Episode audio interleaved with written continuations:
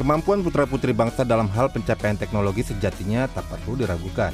Di bidang pertahanan, sejumlah peralatan tempur sudah bisa diproduksi secara lokal, mulai dari kendaraan tempur, kapal perang, senjata ringan, dan lain sebagainya. Beranjak ke teknologi yang lebih maju, kini ada pula radar buatan anak bangsa.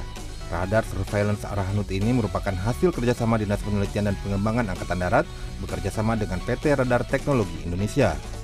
Untuk membangun prototipe radar ini dibutuhkan waktu 4 tahun dan dana sekitar 25 miliar rupiah. Jauh lebih murah jika dibandingkan membeli dari luar negeri yang harganya bisa mencapai ratusan miliar rupiah.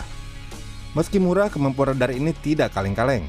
Karena diperuntukkan untuk pertahanan udara, radar ini memiliki mobilitas tinggi dan mudah dioperasikan hanya dibutuhkan waktu kurang dari 5 menit untuk menyiapkan radar siap operasi. Sementara jangkauan deteksi radar bisa mencapai 80 hingga 100 km dan ketinggian 8 km. Hasil deteksi kemudian bisa dikirim melalui data link ke satuan-satuan meriam atau rudal penangkis serangan udara. Ini itu data tampilan yang ditangkap sama radar tadi yang siap, di atas itu ya? Siap. Bisa dijelaskan nggak sih mas? Ini apa aja ini mas? Jadi ini uh, ring ya atau putar hasil sapuan dari radar Kemudian ini ada beberapa objek hasil deteksi. Jadi ini, objek ini itu pesawat yang ada di sekitar kita nih, ketangkap siap, nih ya. Pesawat-pesawat real. Ini pesawat real.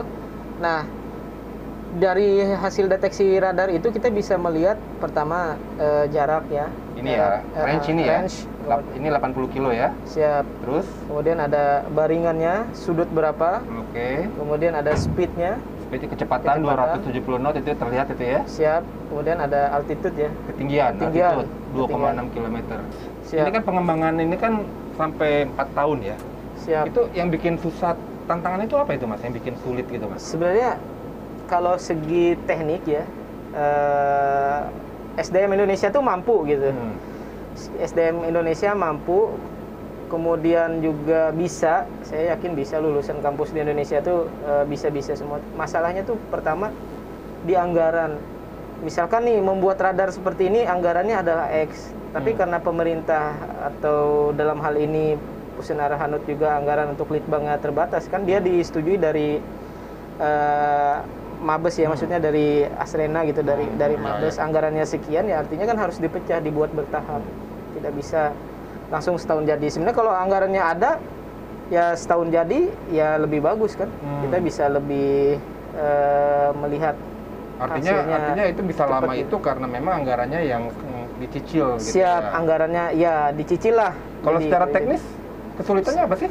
Kalau kalau secara teknis itu pertama kalau untuk elektronika Indonesia itu kan nggak ada nih. Pabrik semikonduktor tuh nggak ada. Walaupun misalkan kita belinya di Mangga Dua di Glodok misalnya komponen elektronik di, di Glodok juga kan itu tidak real semua bikinan Bukan Indonesia. Bukan Indonesia, tetap uh, mereka tetap impor dari luar. Juga. Nah, kalau kita sih antisipasinya biasanya ya kita desain desain komponen RF yang impor itu terutama komponen RF kalau semuanya sih lokal konten lah kita bisa mengklaim itu sekitar 60% itu udah lokal uh, lokal konten ya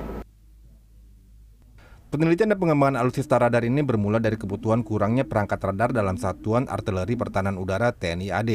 Dari 15 batalion Arhanut yang ada, hanya sebagian saja yang dilengkapi radar. Setidaknya dibutuhkan 10 radar untuk melengkapi semua satuan yang ada. Karena ini suatu kebutuhan, yaitu radar, robotik, LWS, kemudian juga uh, counter sniper, semuanya itu berdasar permasalahan-permasalahan yang ada di satuan. Nah inilah harapan kita setelah adanya hasil litbang ini kita harus terus-terus berkelanjutan, Pak. Artinya jangan sampai hasil litbang ini hanya cukup sampai di sini saja, tapi kita bisa untuk dikembangkan, dilanjutkan, dan nantinya harus ada suatu uh, pengadaan untuk melaksanakan suatu produk massal nantinya. Dan ini yang akan digunakan oleh satuan-satuan sesuai dengan kebutuhannya. Prototipe radar ini setelah lulus berbagai uji coba yang dilakukan TNI AD. Harapannya dalam waktu dekat akan dilakukan pengadaan dan produksi radar ini. Dengan demikian, kemandirian dalam persenjataan semakin bisa diraih. Iwan Hermawan, Dwi Ari, Jakarta.